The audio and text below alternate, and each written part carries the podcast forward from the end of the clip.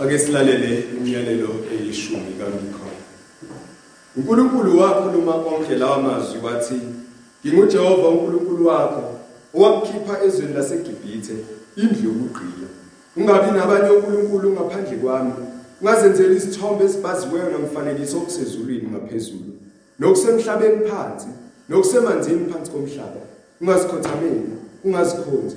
Ngokuba mina Jehova nginguNkulunkulu wakho nginguNkulunkulu onomhawu ngihambela ububi bawoyise kubantwana kuso isizukulwane sesithathu nesesine sabangizondayo kepha ngibenzela umusa abayizinkulungwane abangithandayo bagcina imiyalelo yami. Ungaliphathi ngeze igama likaJehova uNkulunkulu wakho. Ukuba uJehova ngeke kumyeko liphatha ngeze igama lakhe. Khumbula usuku lwesabatha ungcwelise izinsuku eziyisithupha uyakusebenza uwenze wonke umsebenzi wakho. Kepha usuku lwesikhombisa luyisabatha likaJehova uNkulunkulu wakho. Awuyikusebenza msebenzi ngalo wena nendodana yakho nendodakazi yakho nenceku yakho nencekukazi yakho nezinkomo zakho nomfokazi osemzini wakho ukuba ngezinsuku eziyisithupha. uJehova wenza izulu nomhlaba nolwandle nakho konke okuko waphumula ngosuku lwesikhombisa. Ngalokho uJehova walibusisa usuku lwesabatha walingcwelisa yazisa umhlo nonyoko ukuze izinsuku zakho zibe zinde ezweni uJehova uNkulunkulu wakho akunika lona ungabulali ungaphili ungeni. Ungafakaza amanga ngomakhelwane wakho. Ungafisi indlu yamakhelwane wakho ungafisi umfazi wamakhelwane wakho nenceki yakhe nencekazi yakhe nenkabi yakhe nembongolo yakhe nokunye okukamakhelwane wakho. Amen. Sibike izinyawo bazalwane sivumo ukukholwa kwethu. Ngamazwi ayishumi nambili sisho sonke sithi ngiyakholwa kuNkulunkulu uyise usomandla umdali wezulu nomhlaba nakuJesu Kristu indodana yakhe ezelelwe inkosi yethu. Wamukelwa kumongcwele wazalwa yintombi ungane wahlupheka kuPontiya Pilato wabethelwa isikhambano wafa umuntu wehlela isifuba ngosuku lwesithathu wabulwa kuvuka kwafikela wenyukela ezulwini ehlezi ngokwesokunene sikaNkulunkulu uyise usomama lapho yavela khona ezothetha macala abahleziyo nabafileyo ngiyakholwa kumongcwele ngiyakholwa kulibandla likaKristu elingcwele. Elilinye ezweni zonke nakuko ukuhlangana kwabangcwele ngiyakholwa ukubithethela kwezono nakuko ukuvuka komzimba. Nakuko ukuphila okuphakade. Amen.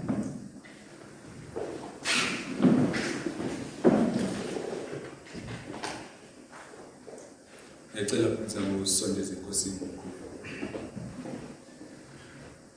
omuhle abongcwele isenko seJesu kusekuseni baba siyabonga kakhulu isikhathi esihle osiphasomo sokuzokhonza sokuzokudumisa omuhle sizophakamisa impela izwi lakho kosengcweleni thindona nomuntu omuhle impilo kuphakanyiswa ukuze sizuzele abantu ilokhu omuhle sikukhuleka ngesinto sakho kunjalo masihlangana njalo impilo yethu kosengcweleni ibeke ngegcwele ikazimulo ukuze ikwazi ukwenza abantu ngokuyisinzo wakho abegameni likajesu siza kuweke ilizwe lethu unkulunkulu nomhlaba wonke okuxakekile inkosi yethu izazi zishasana namakhanda okungcwele ngenxa yomkhuhlane okhona phakathi wethu obhuqa isizwe siyafisa unkulunkulu omuhle ukuba ungenelele lapho ukuhlakanipha kwethu sonke sihlulekile themba lonke lethu likuwe unkulunkulu sibonakalisa unkulunkulu omuhle senzele umusa nkosi wethu kuwe babe kukithi unkulunkulu ngabe egameni likajesu kusekuseni baba omuhle siyakhulekela ibandla lakho abangcwele bakho. Sithi baba omuhle ake wagcina akubandoloze usethi akubaphe ukushisakela nangalezi zikhathi omuhle uma ngabe ithuba lokulibala nokukhohlwa nokulahlekelwa ithemba uma kube ithuba lokusondela kuwe unkulunkulu ukukhuleka nokubusa. Kube ithuba nkosi yethu lokuvuselela kabusha nkosi yethu inkambo yethu. Abegameni kajesu siyambusana babumuhle olibonke bebandla sifisa ukuba nkosi engcwele ukuthi umbone buphe amandla buphe ungakhathali inkosi engcwele ekushumeleni izwi lakho ekuholeni lebandla unkulunkulu siyabakhulekela babomuhle nabangaphandle. Abangazi ukuthi lesi sikhathi sokukhonza abangazani nawe abadukile babomuhle abasaphile kumnyameni besono sifisa ukuba nkosi engcwele babize nabo. Beze phakathi kwethu bezozwa inkosi engcwele phila phakathi namandla akho ngabe egameni likajesu sinikela izwi lakho kulesi sikhathi inkosi engcwele sifisa ukuba nemboni yethi wambule inkosi engcwele ezinhliziyweni zethu khulumisana nathi inkosi engcwele interprete namandla yakho engcwele sikuqonde bese nkosi yethu sifeza omuhle izinto zethu kusaba nokuthuthumela sicela inkosi engcwele zonke izinto zethu uKristu Jesu amen Siyabonga ukhuleko. Asithathele ama-Bible ethu sivule encwadini eh, yaNehemia. Nehemia isahluko sokuqala. Nehemia isahluko sokuqala sofunda indima kusukela kweyokuqala sime kweshumi nanye. Nehemia chapter 1 sizofunda from verse 1 sime ku verse 11 Kuyintokozo ke ukuthi namhlanje sihlangane kanje ukuzwa izwi likaNkuluNkulu. Siyathemba ukuthi uzokhuluma nezimpilo zethu. Siyathemba ukuthi sizoyaleka. Siyathemba ukuthi sizokhuthazeka amen. Siyathola ngibazalwane phela manithuli ngishuthi angikathuli siyathola. Nehemia sahluko sokuqala. Khona usevele wabamba nje le khona. Khona kuzobe ngathi utholile cha bheka nje. Ngiyakuphi isikhathi? Ubheke ukuze uzobona lento efundwa upastor ukuthi iyona yini. Nehemia chapter 1 eh from verse 1 to verse 11 Nehemia chapter 1 verse 1 to 11 kufundeka kanje bangcwele Amazwi kaNehemia indodana kaHakaliya Kwathi ngenyanga kaKislevu ngomnyaka wamashumi amabili ngisendlini yenkosi yaseShushani wafika uHanana omunye wabafowethu. Yena nabantu bakwaJuda ngababuza ngabaJuda ababesele besilindile ekuthunjweni nangeJerusalema bathi kimi insali eseleyo ekuthunjweni lapho ezweni isekuhluphekeni okukhulu nasehlazweni. Ugange lwaseJerusalema lubhidliziwe namasango alo ashisiwe ngomlilo. Kwathi lapho ngizwa lamazwi ngahlala phansi ngakhala izinyembezi ngalila izinsuku ezithile ngazila ukudla ngakhuleka phambi kaNkuluNkulu wezulu ngathi ngiyanxusa Jehova omkhulu nowesabekayo ogcina isivumelwano nomusa nabakuthi nabakuthandayo nabagcina imiyalo yakho. Ukuba indlebe yakho ilalele umkhuleko wenceki yakho engiukhuleka phambi kwakho ngalesi sikhathi imini nobusuku ngenxa yabantwana bakwaIsrayeli izinceku zakho. Lapho ngivuma izono zabantwana bakwaIsrayeli esone ngazo kuwe. Yebo nami nendlu kababa sonile. Senzile kabi kakhulu kuwe. Asigcinanga imiyalo. Nezimiso nezahlulela nezahlulelo owayala. Ngakho inceki yakho uMose. Ake ukukhumbule izwi owayala ngalo inceki yakho uMose ngokuthi uma niphambuka mina ngiyakunihlakazela phakathi kwezizwe. Kepha uma nibuyela kimi nigcine imiyalo yami niyenze noma abaxoshiweyo benu bebe semajukujukwini ezulu ngiyababutha lapho nokho. Ngibayise endaweni engiyikhethi engiyikhethe ukubeka igama lami kuyo. Bayizinceku zakho nabantu bakho obahlengile ngamandla amakhulu nangesandla sakho esiqinileyo ngicela Nkosi ukuba indlebe yakho izwe umkhuleko wencedi yakho nomkhuleko wezinceku zakho ezithokoza ngokwesaba igama lakho. Uhlahlamelise incebo yakho namuhla uyinike umusa emehlweni alo alomuntu bheka ngangingumphathisi ntsha wenkosi. Baba izwi lakho leli liyaphila liphefumulele emoyeni ngamandla liyasiqondisa uNkulunkulu wethu ukhuluma ngalo usebenze empilweni zethu kube kuphenduka kithi. ngoJesu Kristu inkosi. Amen.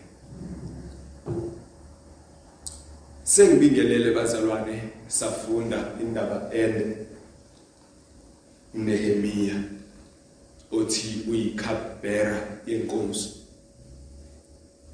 uNehemia uthi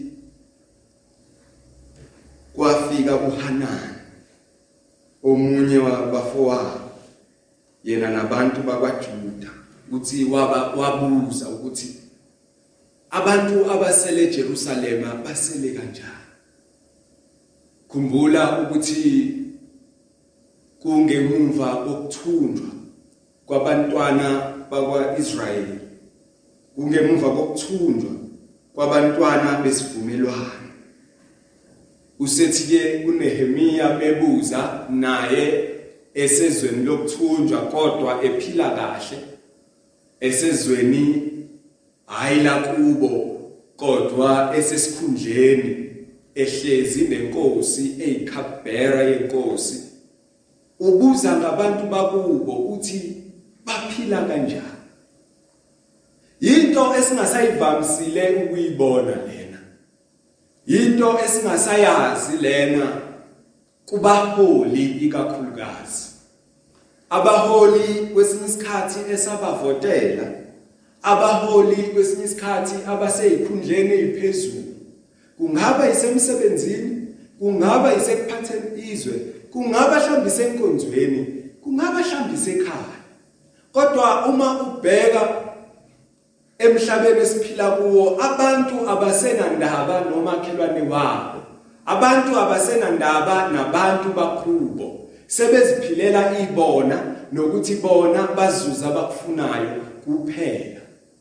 Kodwa wala uNehemia ukuphathwa njengomuntu onjalo kunalokho ehlezi kahle eqaphile inkosi uNehemia wabuza ngabantu bakubo ngithi akubalule lokhu ngoba kamumva nje sivamisile ukubuka ukuthi abaholi bethu abasiphethe basincintela lokhu okuncane esinako bakuhlohle emaphaketheni abo. Bebaningi abantu abahluphekayo nabafelokazi nezintandane bangatholi lutho. Kodwa uNehemia usivezela ubuholi noma engaholi isizwe sakubo. Ekwesinye isizwe phesiya noma ePersia uNehemia uthi bahleli kanjani? Uthi ngababuza. Ohanani befika le ndosana esele ngalena eyasala ekuthunjeni ihleli kanjani? Mongasubuze ngabaholi banamhlanje na uthi abantu bangakini bahleli kanjani? Abantu abakubeke kulesikhundla okusona namhlanje baphila impiloni abazi. Ngoba abanaki abanandaba. Noma siyaphila noma siyafa. Inqobo bona mabehlohla amaphakethe abo. Bazona nokuthi angimxwayise la ukuthi asibizelanga ukuzinaka thina. Asibizelwanga ukuzibheka thina nabangani bethu. Kodwa sibizele ukuhola ibandla kaNkulunkulu. Sibizele ukuba isibonakalo nanoma ikephi la sihamba khona. Ayibonge inkosi Thumela yami namhlanje ithi inkosi izwa ukukhala kwethu. Ithi impendulo mebuza insale selethunjweni lapha ezweni isekuhluphekweni kakhulu Haleluya Abasale ekuthunjeni basekuhluphekeni basebunzimeni obukhulu uthi indonga zeJerusalema ziyabhidlizwa nangomlilo uthi ibandla libekwe kwishame liyahlanjalazwa basenkingeni basebunzimeni bayahlukunyezwa akukho ukujabula kukhona ukukhala usuku nosuku akukho ukuphumula kubona njalo. Ilokhu esikubona namhlanje na empilweni zabantu. Nje generally abantu bahlukumezeka abantu bayacindezela futhi manje sizicindezela thina uqobo. Indlu emnyama icindezela indlu emnyama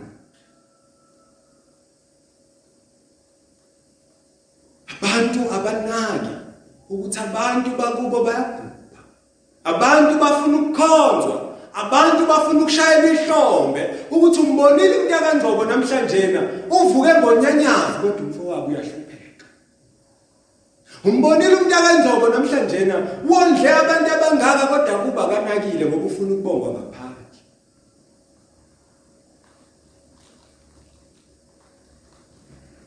Uthi ekuzwa lokho uNehemia ukuthi ibandla liyahlupheka.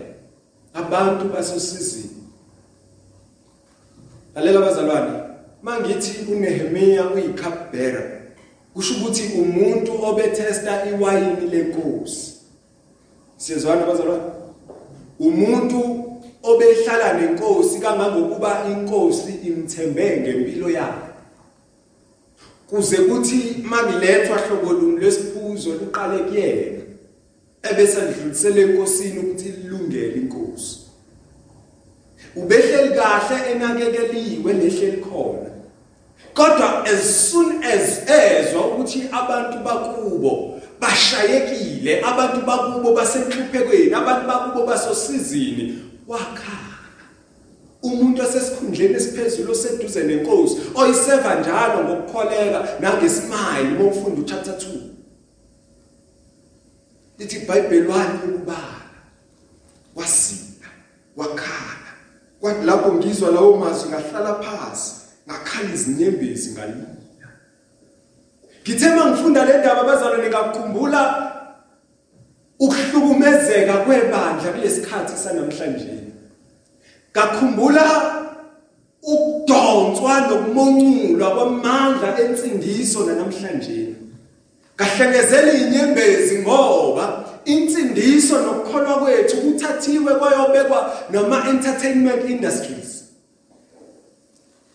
Kwabekwa lena kwathiwa lento yeni yokukholwa ake nime kancane kwathi noma kuvuka izimpi ebesingazilwa singamakholwa savuma ukuthuliswa savuma ukucindezelwa savuma ukuthotshiswa sayikhohle indawo yethu. Akukona lokho kuphela. Kodwa imihla nengemihla ibandla likaNkulunkulu noma abantu abazishaya ukuthi bayakholwa bayalingcolisa ibandla bayalingcolisa lengcosana ekholwayo ngeqiniso ngempilo abayiphilayo nangecorruption enabo abantwana bakaNkulunkulu.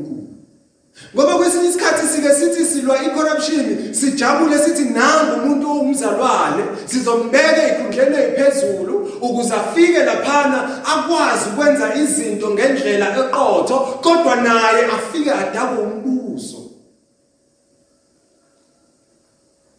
Kuyadonswa kuyehliswa amandla ensindiso kuhlukunyezwa lendosana haleluya lana yayihlukunyezwa kabi ihlukunyezwa literally ihlukunyezwa abantu abayibonayo bebabulala bebadiqilela izakhiwo zabo bevuna izitshalo zabo ngakabi isikhathi. Kodwa namhlanje na ibandla liyatutshwa emoyeni. Ngoba ukungcola kugcwele emapulpiti ukonakala kugcwele kuma auditorium abantu abaphila umngcwele baze bayivikele bathi alithi iBhayibheli akekho ongcwele as if lokho banika ilicense yokuthi bone. Ziyadilizwa isekelo. Athi umbhali wehubo ile 11 verse 3 uma izisekelo zidilizwa uyakwenza njani yakwenze njalo olungileyo namhlanje nakusasa. Isazodicilelwa phasi ivangeli. Basazokhuluma bakhulumayo. Ngobani? Kwesinye isikhathi ithina esibanikeza noma esinika izwe ukuba likhulume libe ngaphezulu kwebandla. Kanti ibandla kufanele libe ngaphezulu kwezwe. Ingakho lithi iBhayibheli singalilingisi lelizwe akubonakala ukuthi siyahluka akubonakala ngenkamo akubonakala ngezenzo akubonakala ngokukhuluma kodwa akukho lokho. Ingcosana iyahlukunyezwa. Ngithathe le ndaba ngayibhekisa ebandleni ukuthi bakhona ababambelelene ekukholweni okuyiqiniso bakhona abakholwa ngempela kodwa bahlukunyezwa kunjengokuthi ziyadilizwa izisekelo zabo ngoba kukhulunywa kabi ngensindiso nabantu abathi bashumela insindiso bayehlandekezela baqedela lencosana eyasala kodwa wena qinisela bambelela ungaphela amandla fuzula ilwa phikelela ungena ngesango elincane. Indlela inkulu iye kubheni izwe lonke lifuna ukubhubha izwe lonke lilahla uNkulunkulu kodwa wena qiniseka. Lokhu okukhalisa umholi oqotho abona izinto azenzeki ngendlela ayedolweni athi inkosi lalela. Nkosi izwa ukukhuleka kwenciki yakho. Uyambona lo muntu ukuthi umuntu kaNkuluNkulu lona. Umuntu olifundile izwi umuntu omzwile uNkulunkulu ekhuluma. Uya kuNkulunkulu uthi ngiyavuma izono zami ngiyavuma izono zikaBaba ngiyavuma izono zezwe lonke. Sikonile sikuhlubukile. Lobubi buphezulu kwethu nje kungenxa yokuthi asenzanga kahle. Asenzanga kahle siphilanga kahle. Asikhulisanga ingane zethu ngendlela eqotho.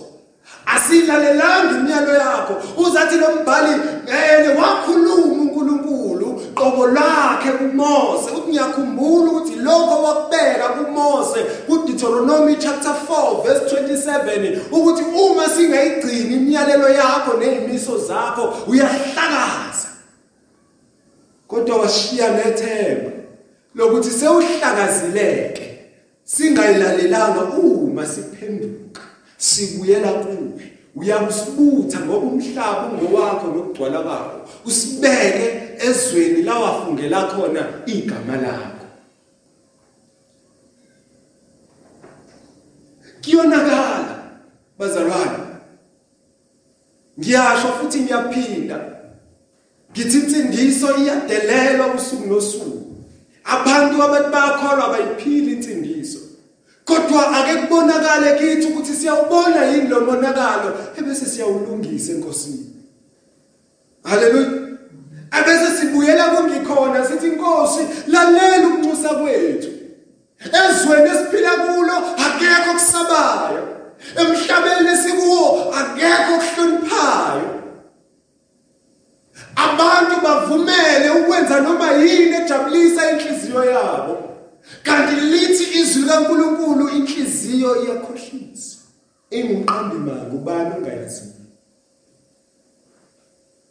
kudingeka thina bezalwane to stand in a gap ukuthi sithi nkosiyami uNkulunkulu wami siyabona izwe lonile. Siyabona ibandla lenzanga kahle. Kodwa Nkosi uthe uthena masibuya siza kuya kusithethelela Nkosiyami yithi laba wena ugcina isivumelwano thina silaba abathemba ngegazi. Thina silaba abasindisiweyo thina siyibo laba uKristu abafelayo. Siyibo andisiyawubona umonakalo ngakho siyakhala kuwe. Nkosi yizo umkhuleko wethu. Bazalwane asikhulekeli nje impilo engcono kuphela. Ibandla libhizi liyakhuleka kuhle bazalwane ukuba nikhuleke nikhulekele izinto zenu. Kodwa niyawubona yini lo monakalo ngabo behlikayo ezweni lethu? Niyazibona yini le ingane ezikhulayo eziqhela kangaka uNkulunkulu niyayibona yini le mngeni engasondeli kangaka uNkulunkulu lemshado nemizi ebhidlikayo usuku nosuku bese ibandla lishaya izandla kuthuleleni uNehemiya unehemiya kubona lokho ukuthi ngakhala ngiswa lokho. Kwaba buhlungu kumina ngibona abesifazane behlukumezeka. Kwaba buhlungu kumina ngibona abantu bengajabule.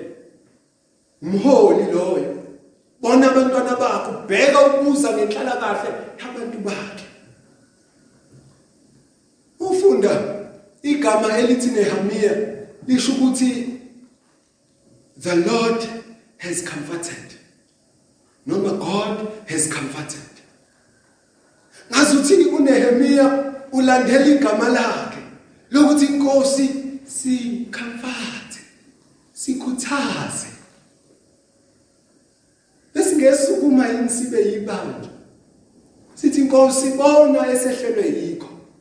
Bheka ubone bese uyasithethelela bheka ubone izwe lethu abantu babulawa left right and center. Iyouth ayithushula igoy izisu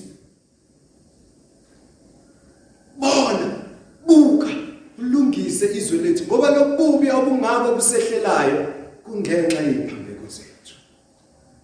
Kungenxa yokubi bethu sonke.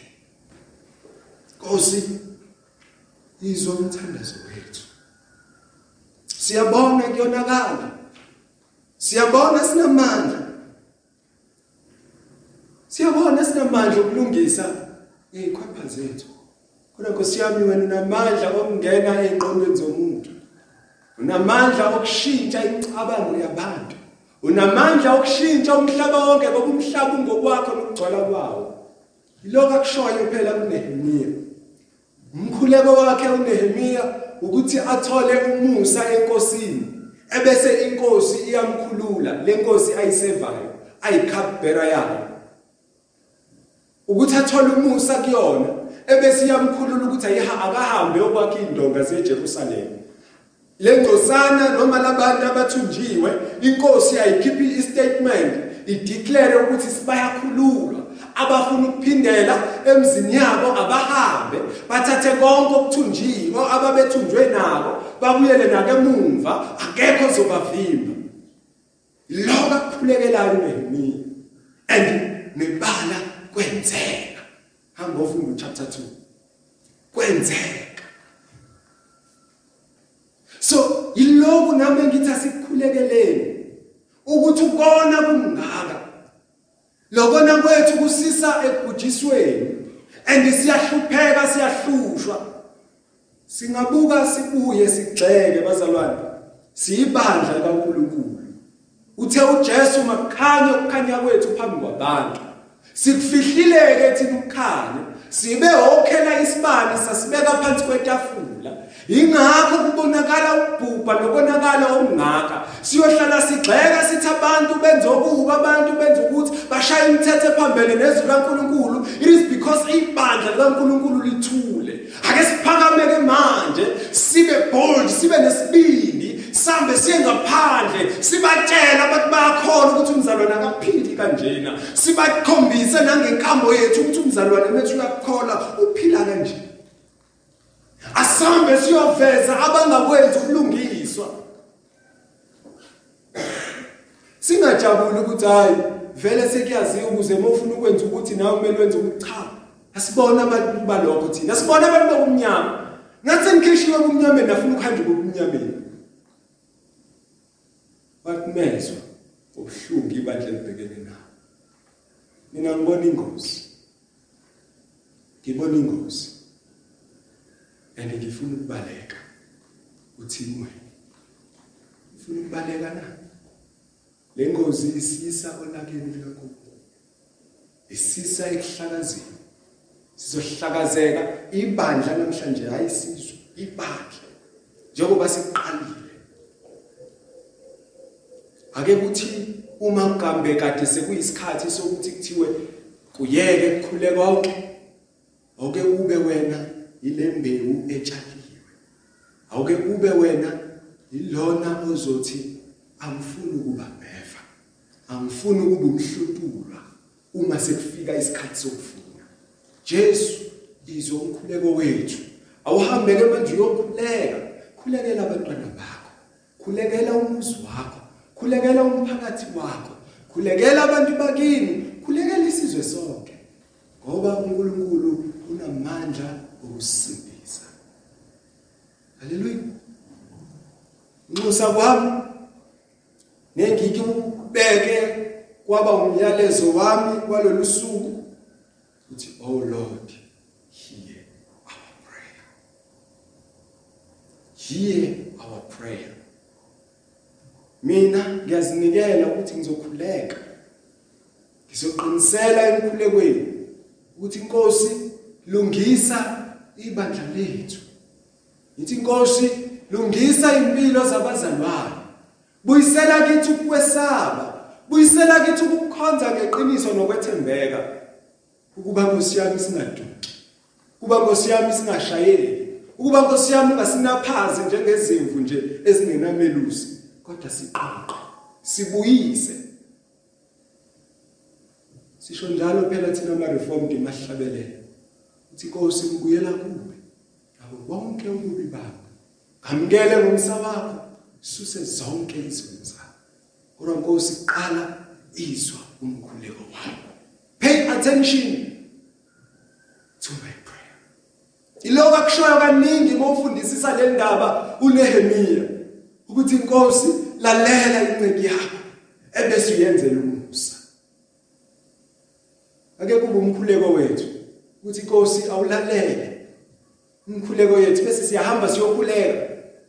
Sambe siyokhulekela ukuthi akuphume imiphakathi engcono akuphume amakholwa angcono akuphume abantu abazomdumisa uNkulunkulu abazolibalekela ulaka likaNkulunkulu ngoba uNkulunkulu wethu unomusa. Esawuvulile umusa asisondele kuwe kuwo ukukholwa kuyimi umkhuleko wethu bazalwane? Sesiyathandaza. Uthi inkosi bona ukuhlukumezeka esibhekene okungaqhamuki kuphela ngaphandle kodwa kuqhamuka ngaphakathi endlini esonto bona inkosi ukushayeka esibhekene nako uzwe ukukhuleka kwethu. Baba asithandi ukubona izinto imoshakala kanjena esikhathini sethu. Asithandi ukubona igugu lokukholwa liwa ngesikhathi sethu asifisi ukuthi amandla ensindiso abe yize ngesikhathi sethu yize umkhuleko wethu Nkosi. Ukuthi phikisana Nkosi yami nabaphikisana nezwi lakho. Phikisana nezishaya umthetho Nkosi yami ezishaya umthetho phambene nezwi lakho. Phikisana nemicabango engemihle. Senze kuba silalele izwi lakho sigcine imiyalelo yakho. Nkosana iyahlukumezeka lokhu engikubukile ngahlala ngifunda le ndaba. Kuningi engakusho kodwa ngibheke kakhulu ekuhlukumezekeni kwalabantu abakholwayo. Khumbula ukuthi kunabantu abafa befela lensindiso njalo ngesonto siyama sivume ukukholwa kwethu.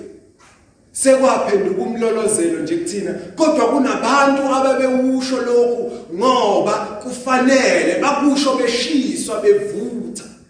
Bevutha abalangami bathi ngiyakholwa kuNkulunkulu uyise usomandla umdali wezulu nomhlaba. Ancama ukufa umuntu igazi lichitheke athi ngiyakholwa. Athi wafa uJesu ngenxa yami ngiyakholwa. Saze sayenza into ize into esebenze kangaka into eyigugu kangaka ukukholwa ukukholwa.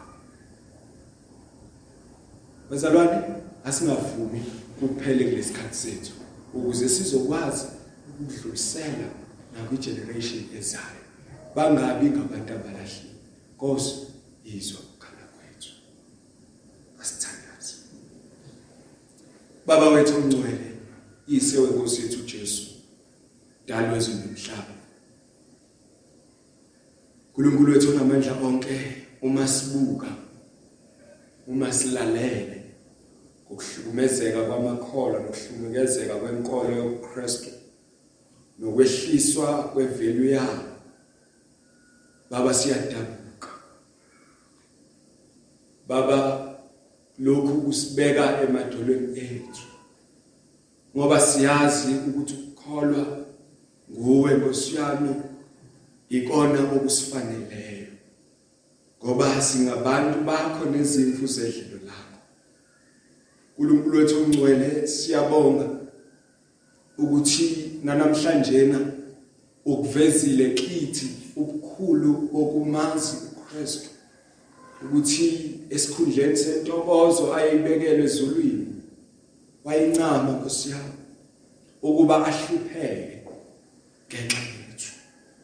Kodwa Nkosi yami namhlanje na uma sibuka umsebenzi kaKristu awenzile esiphambaneni uNkulunkulu wethu ongcwele sifikela ukudabuka okungaphezulu kwalokhu uNehemia akuzwa hlawumbe ngoba uNkulunkulu wethu ongcwele ukukholwa kwethu kwehlisiwe.